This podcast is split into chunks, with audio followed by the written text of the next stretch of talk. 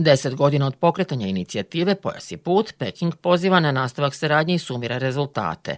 Ukupna trgovinska razmena Kine i zemalja okupljenih oko inicijative premašila je 19 milijardi američkih dolara.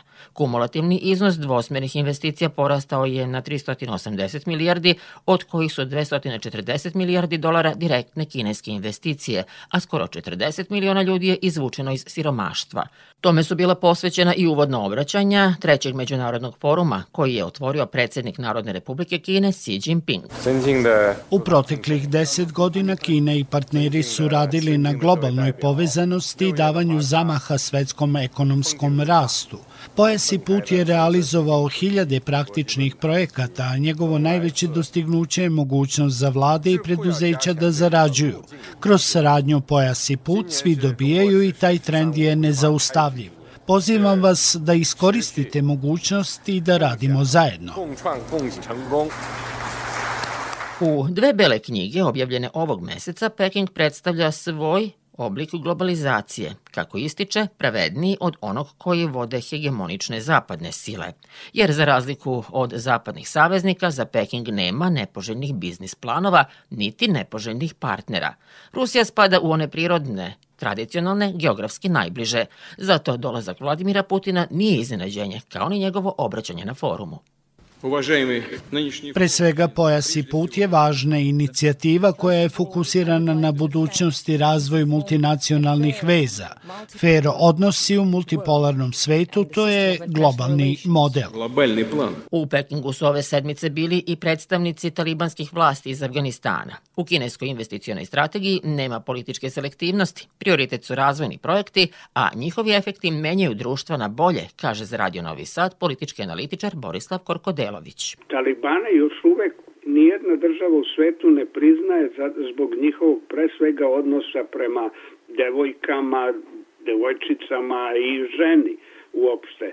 Ali Kina je zadržala svog ambasadora u Kabulu, prihvatila je goste iz Afganistana, smatrajući da poučena vlastitim iskustvom otvaranja prema svetu koje je izuzetno doprinelo e, kineskom razvoju, da postepeno otvaranje Afganistana i njegovo vraćanje u međunarodnu zajednicu mogu da doprinesu unapređenju odnosa unutar samog Afganistana, ali i stabilnosti šireg regiona centralne i južne Azije. Osmišljen kao inicijativa koja bi trebalo da uspostavi alternativni svetski poredak, čini se da je pojas i put postao pretnja zapadnom modelu globalizacije, a suština te zabrinutosti je u pitanju kako smo mogli da izgubimo globalni jug. Globalni jug čini negde oko 85% stanovnika naše planete.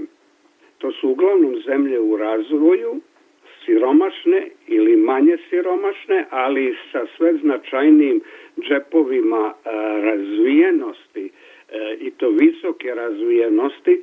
I zbog toga i zapadne zemlje izlaze sa, do sada sam ja prebrojao, negde oko 5 do 6 inicijativa Sjedinjenih američkih država, Evropske unije, grupe 7, koji nalikuju na a, inicijativu pojasa i puta. Međutim, njihov obim je manji jer Kina je do sada investirala negde oko 1000 milijardi dolara. Projekat grupe 7 vredi negde oko 600 milijardi dolara i uh, on još uvek nije počeo da se sprovodi. Razlozi su upravo u ekonomskim modelima koji Kini obezbeđuju instrumente za realizaciju projekata koje druga strana nema. Ona je još uvek u dobroj meri i planska privreda. Jeste, ona je tržišna privreda, ali država ima značajan uticaj. Taj uticaj je e, mnogo prisutniji nego što je u zapadnim e, liberalnim i neoliberalnim ekonomijama i zbog toga se zapadne države oslanjaju u tim svojim inicijativama na privatni kapital. Međutim, privatni kapital gleda pre svega da li će imati profit od takvih nekih projekata. A vi kada ulažete, kao što Kina ulaže u ovoj fazi pre svega za infrastrukturu, vi morate na profit da čekate jako dugo. Peking je odgovorio osnivanjem partnerskih preduzeća za upravljanje projektima i investicijama preko kojih je ušao i u najjače svetske ekonomije. Naš fokus je uglavnom na obnovljivoj energiji i na tome kako možemo da spojimo najbolje od kineske zelene tehnologije da bismo poboljšali rešenja koje primenjujemo u Velikoj Britaniji. Pojas i put nas je spojio. Institut Pojas i put nam zapravo mnogo pomaže jer se ne radi samo o logistici. Našli smo partnere koji mogu da nam reše mnoge probleme poput skladištenja ili prodaje naših proizvoda. Koristimo tehnologiju da podržimo i olakšamo prelazak sa tradicionalne na zelenu energiju u Saudijskoj Arabiji. Najveći broj partnera u inicijativi ipak dolazi iz zemalja takozvanog trećeg sveta, ističe Korkodelović. U globalnoj utakmici dva ekonomska modela posebno mesto ima Afrika, kaže naš sagovornik. Najviše pažnje privlači u stvari ta saradnja između Kine i Afrike, mada je još intenzivnija u Aziji. Međutim, Najnovije istraživanje iz 2022. je pokazalo da sve više mladih Afrikanaca favorizuje Kinu u odnosu na Sjedinjene američke države, da je Kina u stvari ključna u njihovom pogledu na budućnost. Do 2030. godine Afrikanci će činiti 42% ukupne svetske omladine. I to je ono što bi e, se Hegelovski nazvalo, moglo nazvati duhom vremena. Kada vi prepoznajete istorijske trendove koji se događaju u svetu. Pomeranje centara koncentracije kapitala na evroazijski region kroz pojas i put pozicioniralo je Kinu u grupu zemalja rastućeg ekonomskog i političkog uticaja. Partnerstvo u tom delu sveta, ali i pomenutom globalnom jugu postaju imperativ i za našu zemlju, ocenio je predsednik Aleksandar Vučić koji je predvodio delegaciju Srbije na Međunarodnom strateškom forumu. Ekonomska aktivnost, investicije, progres, prosperitet u budućnosti se u velikoj meri pomera ka azijskom kontinentu. Naravno, sad je velika borba oko Afrike, tu imate četiri ili čak pet velikih igrača, naravno Kina i Amerika kao glavni, ali imate i Evropljana i evropski uticaj, imate sve značajniji ruski uticaj, sve značajniji turski uticaj, to je pet sila koje se tvore oko Afrike, i uticaja i privrednog, i političkog, i svakog drugog, jer svet polako se širi i rast, pošto u Evropi nekada bio 20% svetskog BDP-a, pa 17, pa će biti 10, pa će biti 7% i tako dalje. Dakle, tačno vidite kako se stvari pomeraju prema Aziji. Kada je 2013. godine kineska globalna inicijativa pokrenuta, mnogi su to videli kao kockanje Pekinga sa sobstvenom ekonomijom. Sa neviđenim iznosima gotovine, više od 1000 milijardi dolara, upumpanih u oko 150 zemalja, Kina se hvali da je transformisala svet. I nije pogrešila, kaže Borislav Korkodelović. Kinezi su skoro objavili jednu studiju da inicijativa pojasa i puta dodaje negde između 1,2 i 3,4 odsto stvarnog ukupnog nacionalnog dohodka zemalja duste rute.